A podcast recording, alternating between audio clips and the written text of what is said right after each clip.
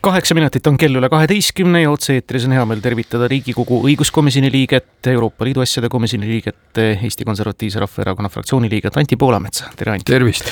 kui ei oleks Ukraina sõda tema kahekümne üheksandal päeval, siis kihaks ilmselt kõik uudiste esikaanet praegu Toompeal äsja planeeritud võimupöörde artiklist. nimelt Ratase diil EKRE ja Isamaaga jäi viimasel hetkel katki, muide, Anti, kas vastab tõele, et teile pakuti selles diilis justiitsministri kohta?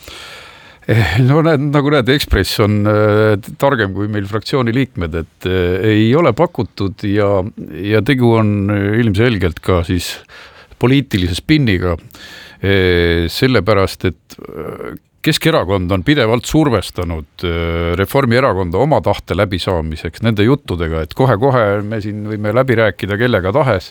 Aga tundub, et Reformierakond on sellega läbi hammustanud, noh, see oli energiahindade teemal, hüvitiste teemal, see kõik mängiti juba läbi ja nüüd see on selle asja teine vaatus, et see, kui poliitikud kasvõi koridori peal üksteisega viis minutit juttu ajavad, et siis võidakse seda vägevaks, vägevaks võimupöördeks kujundada, et minul, minuni need andmed ei ole jõudnud ja me oma fraktsioonis selliste aruteludeni ei ole jõudnud. Ehk eh, noh, vana, vana, vana klassikaline survestamine, aga iseenesest Keskil on õigus, et eh, riigikaitseks tuleb rohkem raha saada, siis see ei ole ainult selline minimaalne ladude täitmine, et täidame need lüngad, mida me siis Ukrainale saatmisega äh, jäid ladudes, meil on tõepoolest vaja keskmaa õhutõrjet näiteks, see on, see on vältimatu vajadus.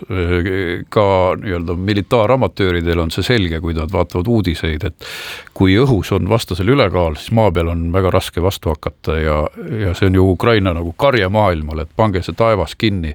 aga me peame ise ka selleks midagi tegema ja, ja meie sõjanduse asjatundjad on korrutanud aastaid ja aastaid sedasama sõnumit, et keskmaa õhutõrje on miinimum, miinimumvajadus ja see ost tuleb teha laenuga ja kiiremas korras.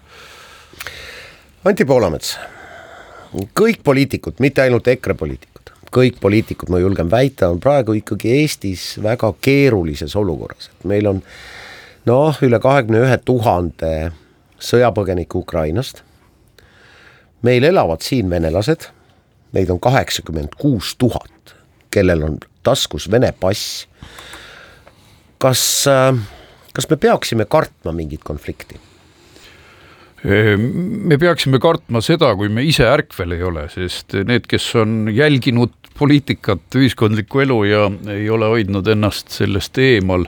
Neil on ju kogu aeg selge, et meil on riskid ja, ja see jutt ainuüksi, et Eesti on kaitstud paremini kui kunagi vale, varem, noh sellest, see, see lihtsalt ei asenda seda relvastust, mida meil vaja on, see ei asenda ka seda tööd integratsiooni ja kõigega, mis puudutab siin Vene passi omanikke, aga ka selliste tõsiste meetmete teemat nagu, et me, me ei anna neile relvalubasid, sest nende hulgas võib olla mõningaid, kes on mõjutatavad Vene julgeolekuteenistuste poolt, kellele antakse lausa relv pihku, ostetakse talle relv.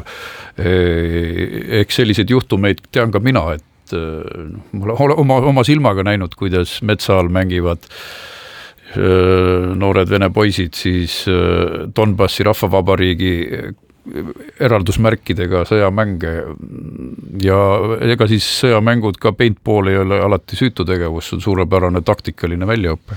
ei, ma pean silmas, Anti, pigem seda, et, et, et siin elavad venelased on justkui nagu solvunud, et siia tulevad Ukraina sõjapõgenikud, saavad nagu mingisuguseid hüvesid, neid nagu poputatakse, kas võib-olla ma olen emotsionaalne ja noh, nagu te viitasite enne ühe teise väljaande ajakirjanike peale, et võib-olla, võib-olla ma olen valel teel ei, see on täitsa reaalne ja see ei puuduta sugugi ka siinseid venelasi, vaid me, pingeid tekib kindlasti äh, ja, ja sellepärast ma leian, et kasvõi see probleem, mis meil on olemas, et kõigil Eesti elanikel ei ole haigekassa kaarti.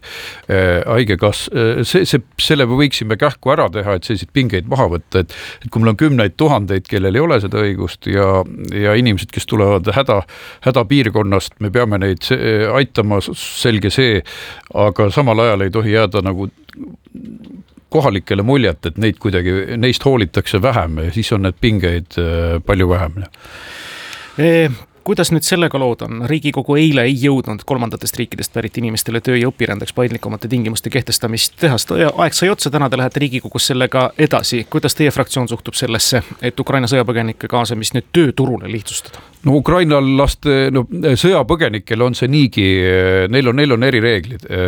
Neil on see lihtne, meie võitleme praegu selle vastu, et ka kõikidele muudele oleks siis jällegi viidud hooajatööliste hind allapoole. et nad teeksid dumping, dumpingut, võtaksid kohalikel tööd ära. niimoodi me ei saagi kunagi Eestis selliseid palkasid, et inimesed ei läheks Kesk-Soome ära ja, ja see, see on meile äärmiselt oluline, et ei tehta tehtaks, ei tehtaks eh, odav tööjõu peale panuseid. Aga no selles mõttes, et no ma ei tea, kas see võrdlus on adekvaatne või mitte, et vasak käsi teeb üht ja parem käsi teeb teist, et teisipidi ma tean ja on jutuks olnud, et ka teie fraktsiooni liikmed on üsna palju isiklikku panust andnud ja ka Ukraina sõjapõgenike abistamiseks, majutamiseks, toitmiseks, katmiseks ja ka töölevõtmiseks no aga ma räägingi, et need on kaks eri asja, et sõjapõgenikud ja meie, see seadus, mis praegu laual on, selle, see algatati meie enda ajal selleks, et eh, oleks eh, palganõuded kõrgemad, et üliõpilased ei saaks õppimise asemel siin tegelikult hoopis tööd hakata tegema. Eh, aga valitsus keeras kõik vahepeal vastupidiseks ja räägib sellest, et see on ju meie algatatud eelnõu, tegelikult lihtsalt lasti kõik need palganõuded alla kolinal üliõpilaste välisüliõpilaste töönõuded tehti nii lõdvaks kui võimalik, et noh, soodustatakse sisserännet veel lisaks sellele, millega me siin niikuinii tegeleme, ehk sõjapõgenikega, et et see lööb ju küll pinged üles, kui meil lisaks sõjapõgenike majutusele võib hakata tulema kümneid tuhandeid hooajatöölisi, ükskõik kust siis ja, ja tulemus on see, et kohalikud ei saa tööd, on ju. Anti Poolamets kaheksakümmend kuus tuhat Venemaa passi taskus kandvat inimest elavad alaliselt Eestis. kas neilt peaks ära võtma relvaloa, kellel see on? kas need, kes ametlikult ja avalikult toetavad Putini sõda Ukrainas, kas nad tuleks maalt välja saata? kas üheksanda mai tähistamine tuleks ära keelata vähemalt sellel aastal. Ja nii edasi ja nii edasi ja nii edasi, kaugele me läheme? no väga praktiline meede on see, et Vene kodanikud ja Valgevene kodanikud ei tohi relvaluba omada ja selle eelnõu andsin ma esmaspäeval ise sisse ja ise kirjutasin see on hädavajalik, sest neid on, neid on tublisti üle tuhande ja, ja osadel sportlaskuritel võib olla tohutu kogus laskemoona, viis tuhat padrunit, hulk relvi. et isegi kui nendest mõned üksikud on halvasti meelestatud, siis saab seda meie vastu ära kasutada väga, kõige ohtlikumal viisil Ukraina näitel. ja relva omamine siiski on privileeg, me ei saa seda välisriigi kodanikel lubada ja mõelge ise, et väga raske on taustauuringuid teha, et ega siis kõige halvemini Eestist arvavad inimesed ei pane Vene lippu sotsiaalmeediakontole, nad on vait, aga selle eest võib-olla olla viis tuhat padrunit ja paarkümmend relva. kindlasti tuleb seda teha, aga muud meetmed on äh, keerulisemad. Äh, inimeste arvamust muudetakse aja jooksul. no üheksandat maid ikka ära ei keela, eks, et sinna siselinna kalmistule nad ikkagi lähevad ja tavaliselt on rahulikud olnud Lähevad ka sel aastal?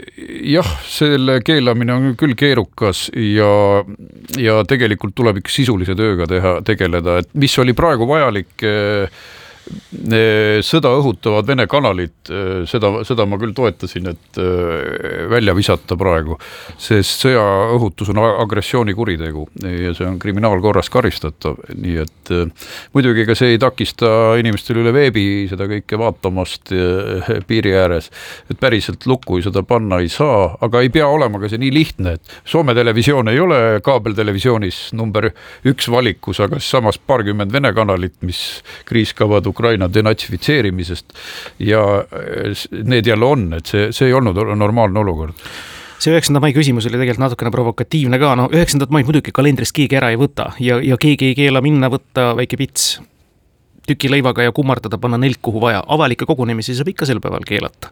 kas ei ole hirm mitte selle taga, no näiteks lätlased tegid üheselt mõistetavalt asja, keelasid ära nii üheksanda mai kui ka siis legionäride marsi. no jaa, aga Timo, sa ei saa ju keelata surnuaiale minekut. ei, muidugi ei saa aga no mingisuguse rahvamassi kogunemise, terviseepideemiat, mis iganes ettekäändel, lätlased said sellega hakkama. no kõige lihtsam, et politsei hoiab pilgu peal, et seal ei kasutata äh, agressiivse sõja õhutamise sümboleid, see on no, esimene asi.